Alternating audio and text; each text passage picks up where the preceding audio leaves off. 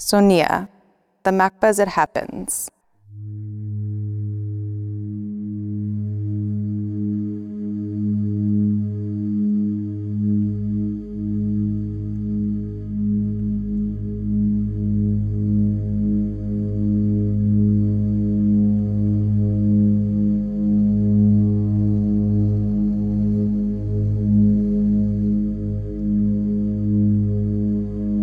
Kendell Geers ran away from home at 15, leaving behind the oppressive environment of a highly authoritarian working class Afrikaans family.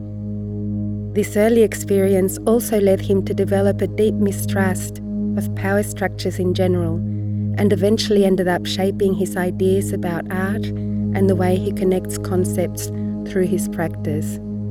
In the mid 80s, just before going into exile for political reasons, he was a member of KOS, a post punk band with a cult following founded by artist Neil Goedhals and actor Marcel Van Heerden, an explosive mix of dissent, poetry, and the rejection of a system that was clearly on the brink of collapse.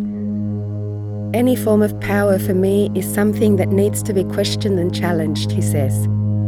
Today, I'm still concerned with that same question of how power manifests and how an artist may intersect with those structures of power. Involved in the anti apartheid movement from a very young age, his work reflects a context with many layers of conflict and acerbically points out the social and racial imbalances of South African society and its colonial history. At first, in his early works along the lines of ready mades and conceptual art, always shocking and provocative, bomb threats, thrown bricks, and exploded walls, and later turning towards exploring the spiritual realm and altered states of consciousness. Sonia talks to Kendell Geers about terror realism, linguistic violence, Africanness, and social political tensions before and after apartheid.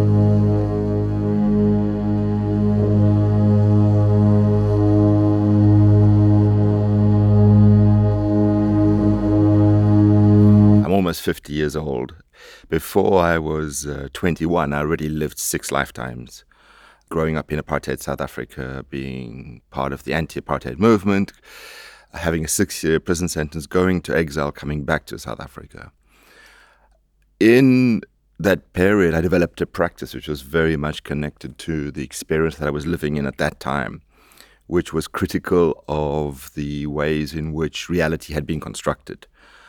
And what I mean by that is everything from history to the names of streets to the names of airports and hospitals was renamed. It is a very interesting process to live through the post apartheid South Africa as a very young person because I witnessed how history was erased and rewritten. That history is not set in stone. History is not something that just happened and then we simply tell the story again. Now, history was something that was written by the winner. So when the winner changed, history changed. And as an artist, the idea of structures of power or structures of meaning or structures of things we take for granted, but which gives logic to the things we do, a lot of that was called into question, not least of which is being a white African. So already there, there's a lot of problems already there my my identity is already very disruptive and difficult for a lot of people to comprehend. Even to this day, my children at school get accused of not being African because they're white. This is 2016. And then, as a white African, trying to understand my relationship to what we would call international art. But international art is just the folk art of New York. Before New York, it was Paris or, or, or or London. Um, international is simply the folk art of a particular time and place that was once upon a time avant garde, but then sort of grew. And how do I, as an African, intersect with that international discourse, which is clearly not written for me?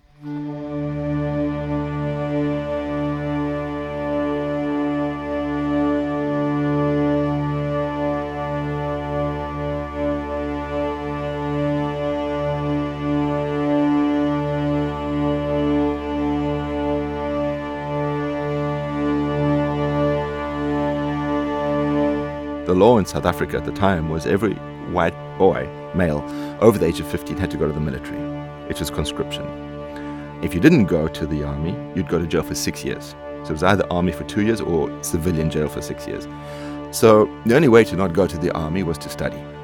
When I was in my final year at school, I put in my application to the university in order to study, in order to not go to the army. And for me at the time, it was very clear that the only thing I would study was going to be quantum physics. Uh, that was the only thing I was interested in. And so my first choice was, was, was science. And the university said you have to put a second choice. A second choice that if you don't put, your first choice is disqualified. And at that time, I was a young punk full of rage in mistrusting every form of authority. So I decided to make a joke of the, the what I believed to be the, the dictatorial system of the university where they were not giving me a choice and they were forcing me to do something against my will. So I went through the list of everything that you could study at the university and I looked for the most absolutely ridiculous, inconceivable thing I could never, ever study. And I saw fine arts. I was like, yeah, I'm going to put fine arts. And it's a way, it was a provocation. It's a bit like when you go and vote and you vote for every party because you actually don't want to vote. You know, it's a way of reacting to their provocation with my provocation. You know, I don't know how it happened, but I was accepted to both. And for the very, very, very first time, I must have been almost 17, I asked myself, what is art? I was curious. Oh, okay, so I've been accepted to study art, but I have no idea what it is. I didn't know the difference between Picasso and Da Vinci at the time. So I went along to the art class. It was towards the end of the year, and the teacher had essentially given up. Most of the classes, way, way, way back, they were smoking and laughing and just having fun at the end of the year and there was, I think, two or three young girls at the front of the class with their notebooks diligently listening. And the teacher had decided to, as the end of the year, do something special. She exited the curriculum and she was um, doing a special class on Dada. And I sat down and I remember her saying, So there were these guys during the First World War who retreated to the neutral country of Switzerland. And they had said, if mustard gas, trench warfare, barbed wire, and all the atrocities of the First World War were the product and result of the logical, rational brain, they would do the illogical, irrational contrary. And something fell inside my head. It was like, so art can be that? She gave all kinds of urban legend anecdotes about what they were doing, but essentially they were just, they were being, making provocation and calling it art. And I thought, that makes perfect sense. If art can be that, if I'm going to university to not go to the army because I refuse to go to the military, let me study that. And that's how it began. That's how it started.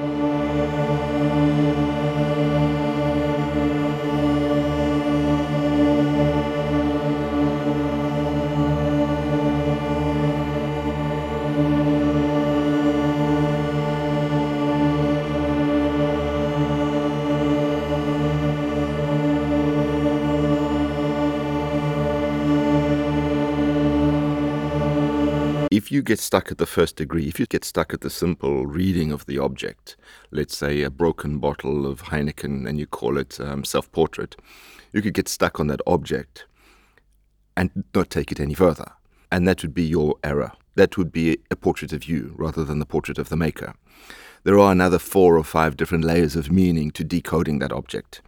Because as a white African, I ask the question what am I doing at the tip of Africa? Um, at the end of the 20th century and the beginning of the 21st century. What brings me there? I'm intersected and connected with all sorts of histories that that predate me, that influence me, that that that set in motion a series of chain events of which I'm part of. And if you look at only me and you don't see the things that had to happen in order for me to be there, you're going to miss the whole point.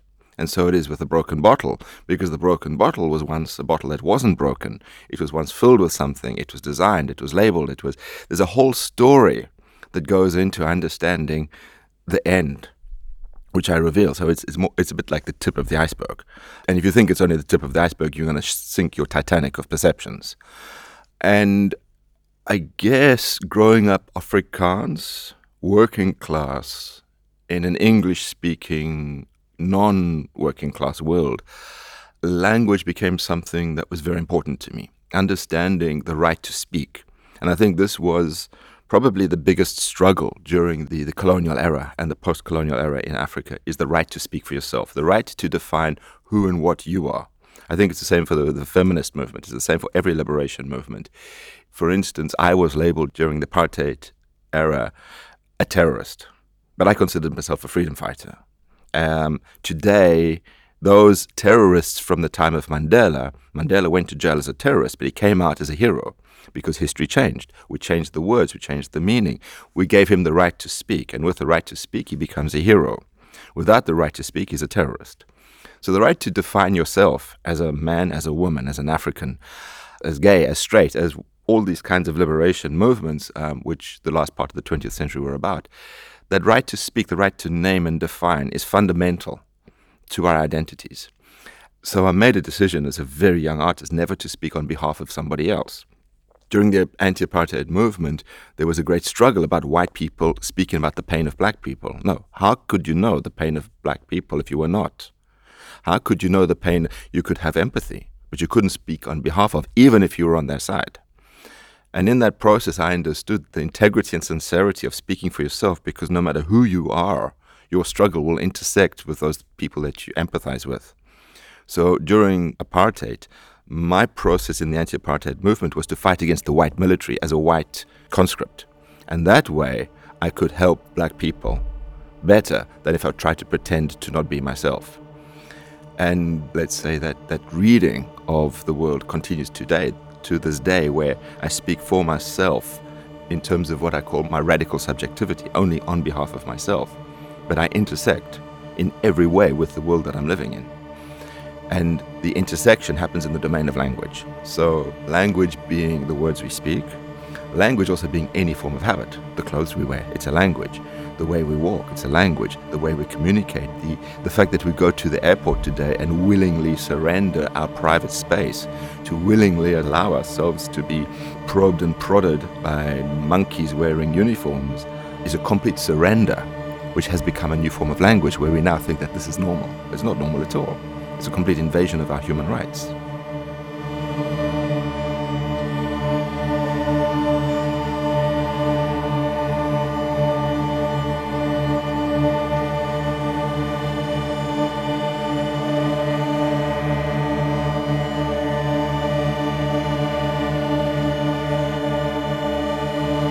Apartheid had been long over because don't forget that apartheid ended in 1990, the same time as the Cold War ended.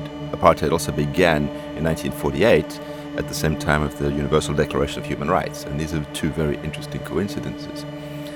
And around the year 2000, so 10 years after the fall of apartheid and the Berlin Wall, I was toying with the idea of terrorism, taking the notion that had begun with Courbet and Courbet's relation between politics and materials, the way he painted the peasants in his paintings with a palette knife, with the materiality of the technique, added a realism that is very disturbing for the bourgeois French at the time.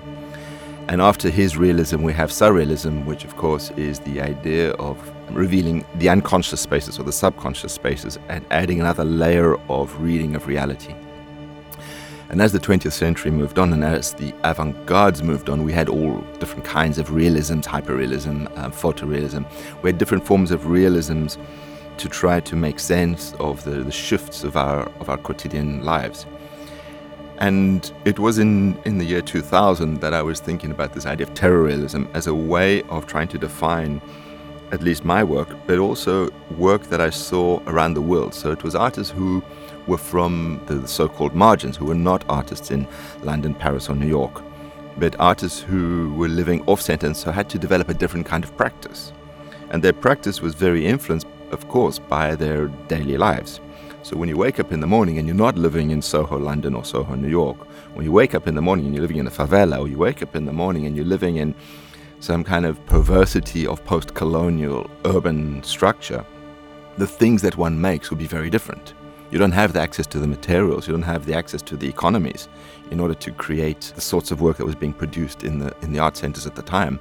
And so your work would be a bit more gritty, it'll be a bit more political, it would be a bit more disruptive, dirty, you might say.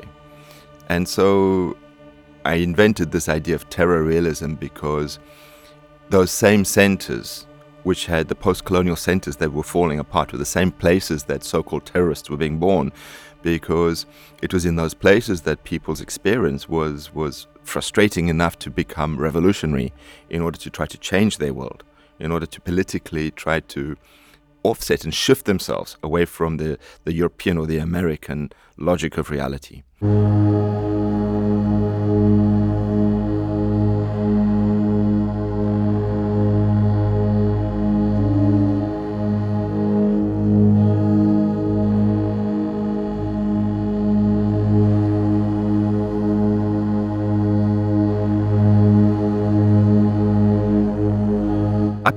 Period, I was even calling myself an aesthetic terrorist. But after the World Trade Center, we could not use the word terrorism anymore in the sense that one might have, for instance, towards Baader Meinhof or the Red Brigade, which were ideologically left wing freedom fighters. Instead, we had unleashed upon the world a whole other form of terrorism, which has subsequently shifted into the, the contemporary scene today. To return to Andre Breton, who said that the most simple or purest act of surrealism would be to walk into a crowd with a loaded gun and shoot random strangers. Now that's daily practice today. I had a friend in the Brussels airport who was who got hit by the bomb. So if you think about the, the attack in Nice, the guy just taking a truck, he's doing exactly what Andre Breton said. So now we've had a huge shift of interpretation of a practice that when Breton said it, the world was a different place. Today, the notion of walking into a crowd and killing random people is a suicide bomber. And it's very difficult to salvage that from an aesthetic practice. It's very difficult to take that and and in any way step to the left or the right in order to claim it in the name of art. And it actually reminds me of uh, Stockhausen, who said after the World Trade Center, this is the greatest work of art imaginable. And of course, in America, he lost his career as a direct result. Now, I'm not saying that artists need to feed off these notions of terror, but at the same time, they're part of our daily lives today, that there are people. I come from Brussels. My studio is in the downtown in Molenbeek, in exactly the place where the, the, the terrorists from Brussels and Paris were living and making their bombs. They were my neighbors. This daily practice must influence how we conceive of art today, how we make art today. We cannot take the new suicide bombers out of their context, time, and place. And so we can't take the artists out of their time and place, and art needs to react to those forms of terror and introduce other forms of realism in order to digest and make sense. So, you know, the, the, the notion of a terrorism still applies, except what was in the in the 1990s and the 2000s something that was off center. It was in south america it was in africa and it was displaced. Well now it has come home and now it's in europe. It's at the heart of europe. So it's actually what i grew up with. You know when i first started to present works of art with uh, razor wire and, and electric fencing the European and American art world thought this was extremely violent and ugly and decided to dismiss that work. Well, now it's everywhere. You know, those fences and those borders that I was talking about in Africa, well, now they're in Paris and they're in Brussels and they're absolutely all around us. So the terror realism is here and now.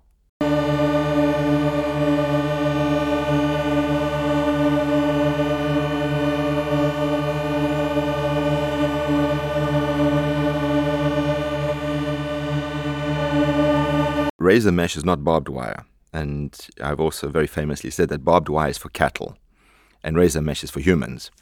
And razor mesh is, is essentially a fencing with uh, blades on it, uh, razor blades, and it attaches to your clothing or your skin and it doesn't release. And the world patent is still owned by the same company in South Africa that invented it in the 70s. It was invented during apartheid as a form of controlling people, the movements of people. It has since been exported globally to everywhere from Somalia to Abu Ghraib prison to um, Palestine to um, Gare du Nord in Paris, in the center of the train station.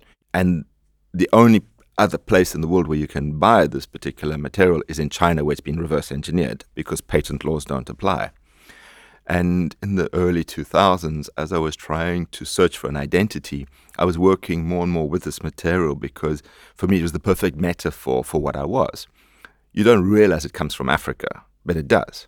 It looks first world. It looks sophisticated, it looks engineered, but actually it's a third world invention, like myself. It's, it's contradictory.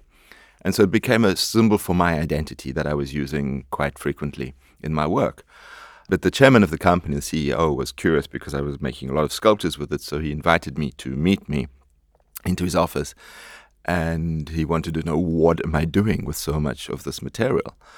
And I saw behind him on the wall was pages from Time magazine and Newsweek, floor to ceiling, wall to wall, and there was every flashpoint in the world. Literally, Abu Ghraib, Guantanamo, Palestine, and my works of art in between, which is very surreal and very strange. Uh, maybe that's the best definition of terrorism that I could imagine. And then on his desk was a photograph of him and George Bush fishing. And that tells you the importance of this material for the world and the, the degree to which it has become a global example of, of international border and the way international justice works today.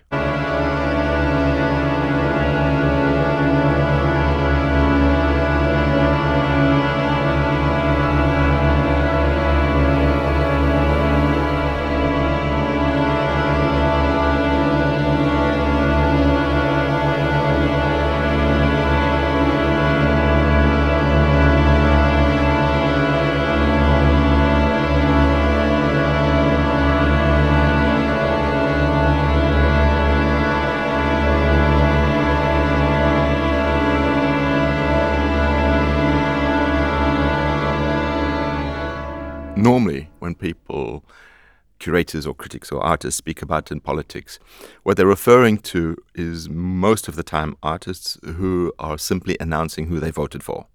Artists who are moralizing, artists who are judging, and who are holding up the flag and saying, these are bad people and these are good people, and normally the artist is on the side of the good people.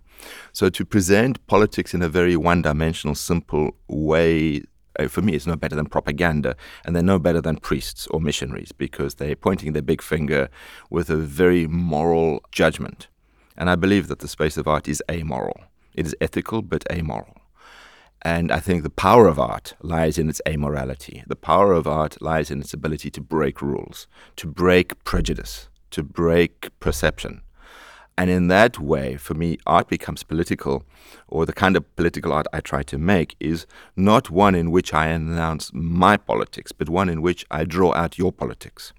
So the creation of morally ambiguous situations, whether it be an image, a text, an environment, a video, a performance, whatever, but the, the moral ambiguity or the, the moral tension that is, that is implicit in the work of art will invite you as a viewer to consider your moral position.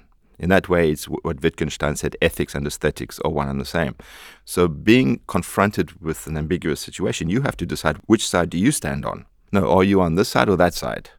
And in that way, you will go through a process of transformation because you will be invited to consider your position.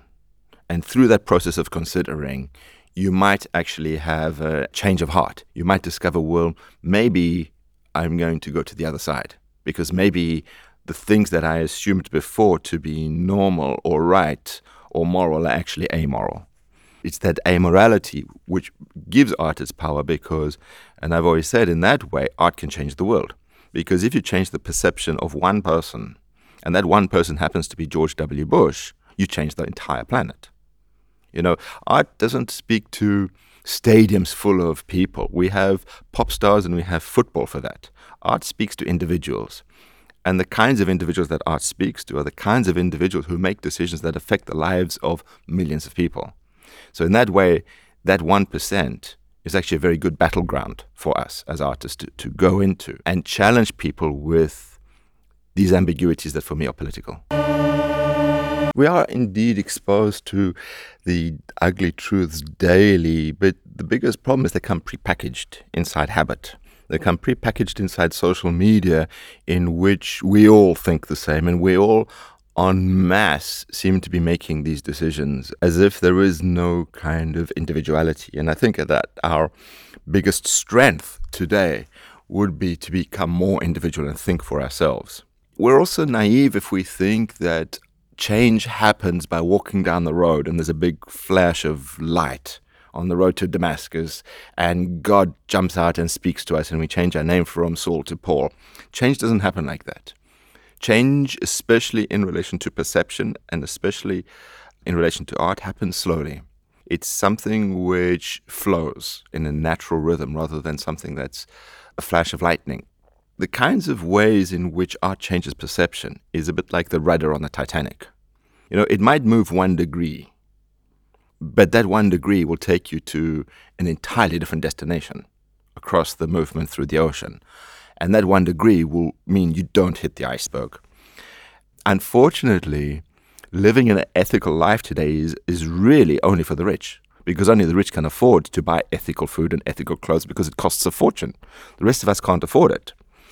But the factories, the sweatshops are having more and more problems maintaining these these unethical practice, and you know the company, the, the cars, the, the corporations are slowly being forced today to adjust the way they work to pay greater respects to the planet, greater respects to human rights, greater respects. So if you look at the world today and you look at the world 20 years ago, I would say we're in a much better place today than we were 20 years ago. Okay, it didn't happen in a flash, but it is definitely moving in a better direction because people are making demands. People are conscious. So even if we we, we we're not um, being militant in our demands, we are making demands. And I think that as time goes by, we will be forced to become militant because there's something about human nature. We only change in crisis. We only change when we hit the wall. We only change when we don't have another option. For the rest of the time, we, we prefer to sit on the sofa and watch TV.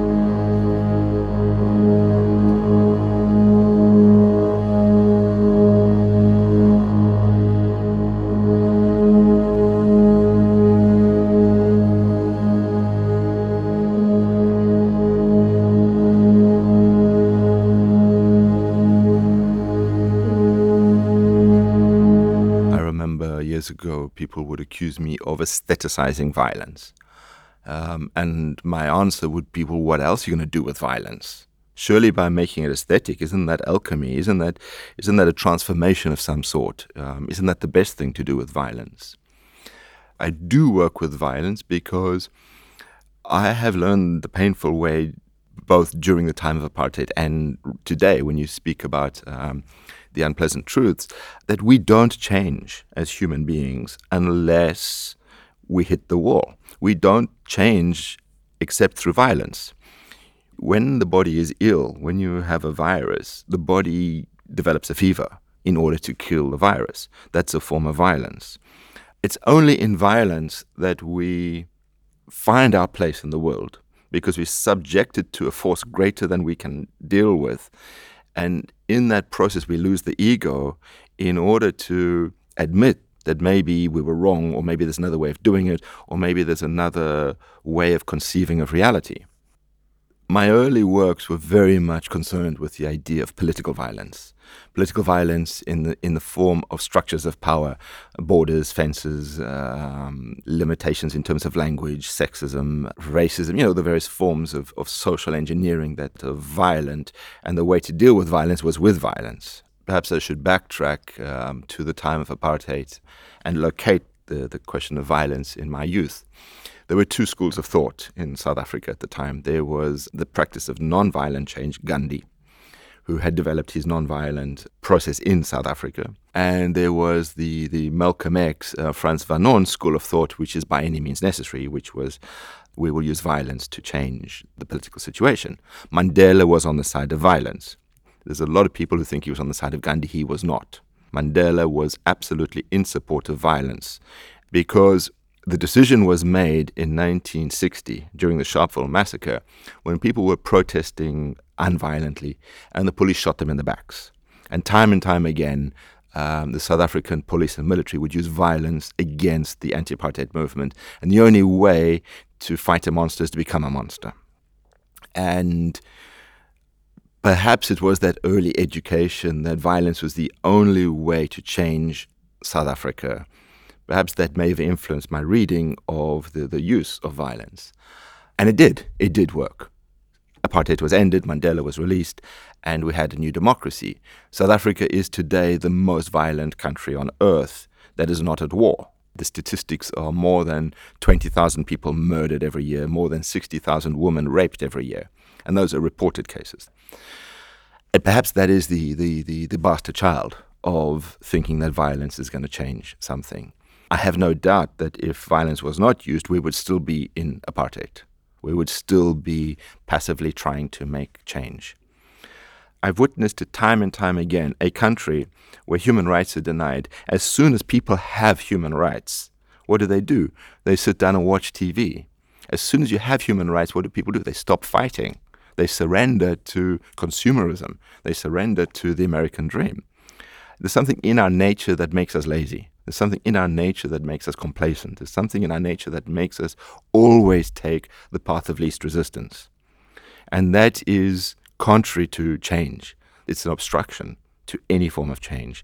And the only way we change is with violence. So, yes, I do in my working process, in my philosophy, in my poetry, poetics, in every form of my entering into the world of art and the things I make, violence is somehow present.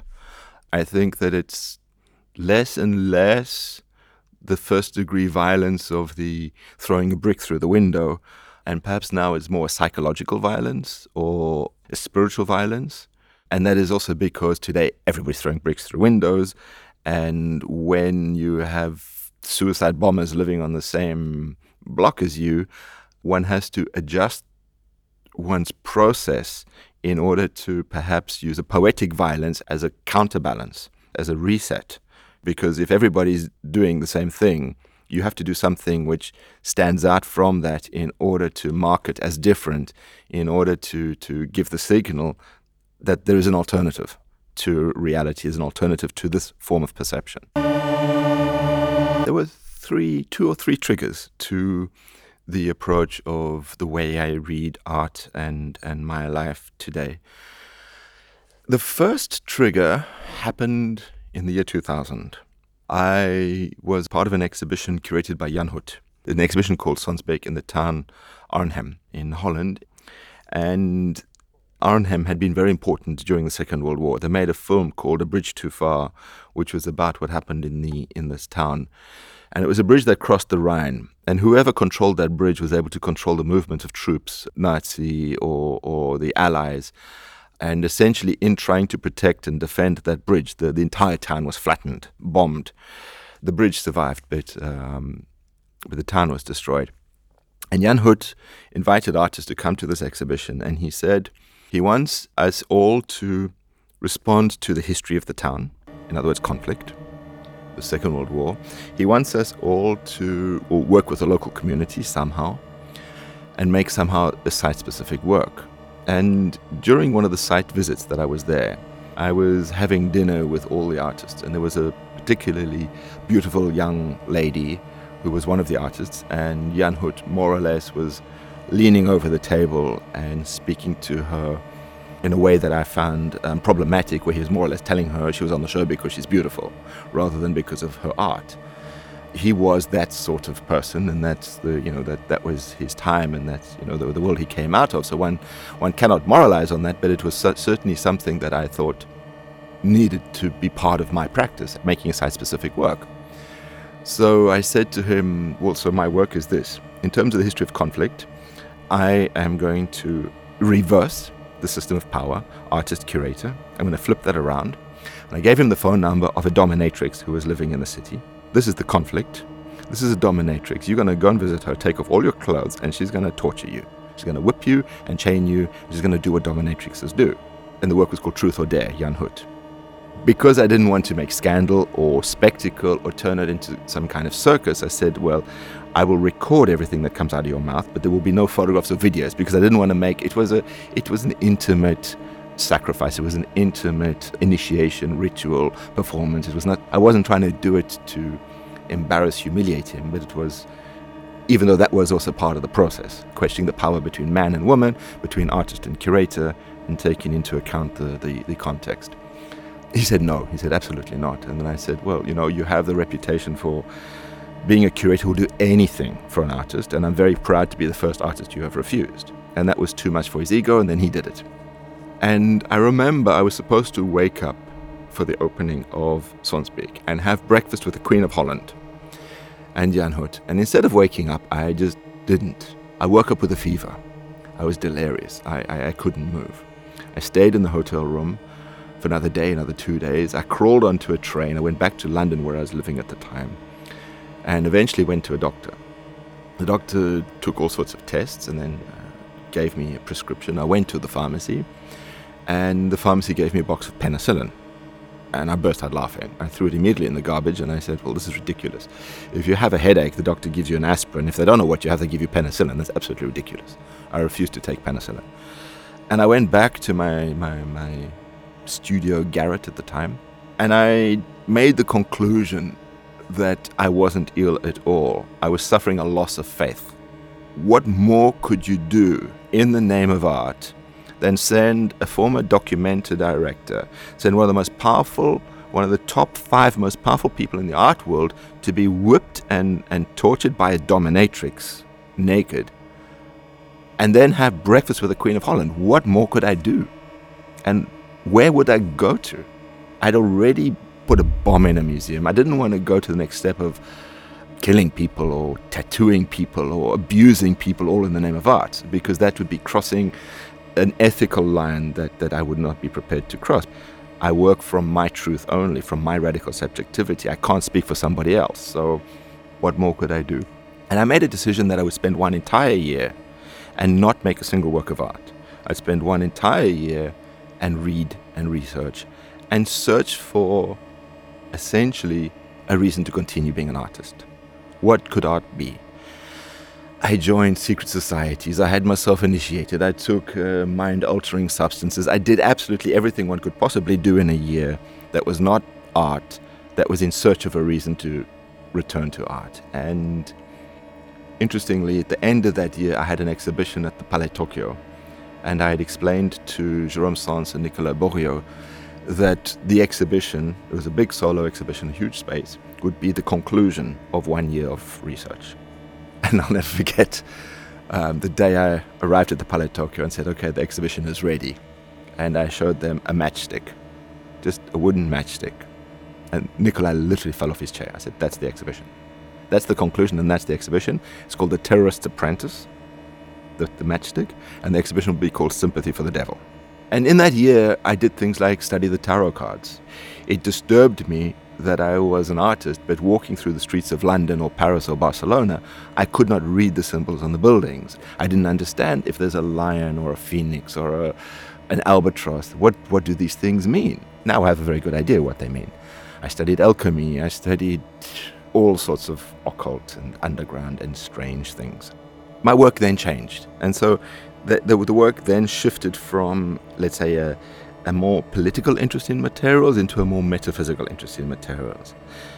And then I practiced like that for perhaps the next 10 years. But what was really interesting was now with a greater knowledge of alchemy and the tarot, I would look back at my work and realize that I knew it anyway, that I was instinctively making art that was quoting these alchemical principles without realizing it. Because we are so much more sophisticated and so much more tuned in than we realize, even if we, we blind ourselves to it. Even if we try to make ourselves stupid, you are making decisions which are tuning into the, the, the world that you're living in, which is both physical and non physical. And I think the big shift after 2000 was for me to start to understand that the world of animals, minerals, and vegetables is just as important as the world as humans. You know, minerals have as many rights as humans do on this planet, which is a political statement as well as a metaphysical statement. You know, when we are drilling oil from beneath the, the Gulf of Mexico, that's a, a, question of mineral rights as well as political rights, as well as uh, environmental rights. There's so many things which go into that. And so I didn't dismiss my political interest. I just added another layer. And that was all very well until more or less 2012. And in 2012, I once again spent a year not working, which would take me to, let's say, my third point of development, which brings us into the present. And in 2012, I was supposed to do an exhibition, a retrospective exhibition at the Haus der Kunst in Munich, and the show was supposed to begin in Cape Town at the National Museum. And that process was incredibly painful because the curator, the directors of both museums, forced me to sign a contract to say the artist will be vol- involved on a need to know basis only. I was excluded from my exhibition 100%. I had no right to say what my work was about. The process of being excluded from my own practice, being unable to speak for myself, being unable to define what my work is or is not about, led through me into a very, very deep depression. And at exactly that same time, I saw other artists who showed at the same galleries as me showing exact copies of my work and getting a lot of credit for work that I had spent 20 years trying to develop. I witnessed my entire career being stolen from me. I witnessed the, the rug of, of everything I believed in being pulled un- from underneath me, and I felt very hard. And if it wasn't for my, my, my children, I probably would have killed myself in that year. But then, what that process led to was an even deeper soul searching. I'd already, in the year 2000, initiated myself into all kinds of forms of knowledge. And what I did in 2012 was I went deep within myself, into a deep, deep, dark space of trying to find not just a reason to be an artist, but a reason to live. And that was an extremely violent but healthy journey because when I came out of it, I had a very different understanding of my role as an artist, what I could be, and my practice. And things then started to shift in very intriguing ways.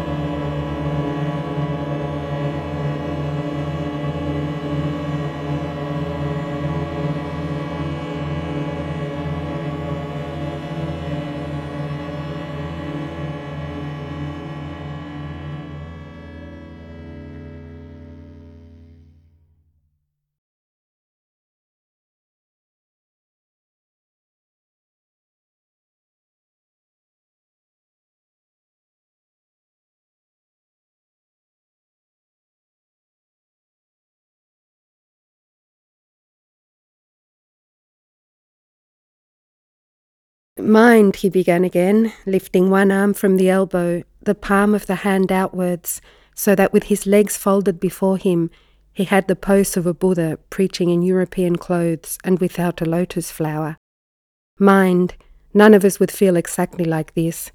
What saves us is efficiency, the devotion to efficiency. But these chaps were not much account, really. They were no colonists. Their administration was merely a squeeze and nothing more, I suspect.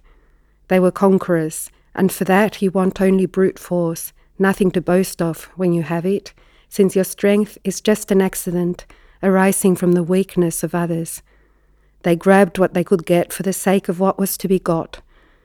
It was just robbery with violence, aggravated murder on a great scale, and men going at it blind, as is very proper for those who tackle a darkness. The conquest of the earth, which mostly means the taking it away from those who have a different complexion or slightly flatter noses than ourselves, is not a pretty thing when you look into it too much. What redeems it is the idea only, an idea at the back of it, not a sentimental pretense, but an idea, and an unselfish belief in the idea, something you can set up and bow down before and offer a sacrifice to. Joseph Conrad, Heart of Darkness.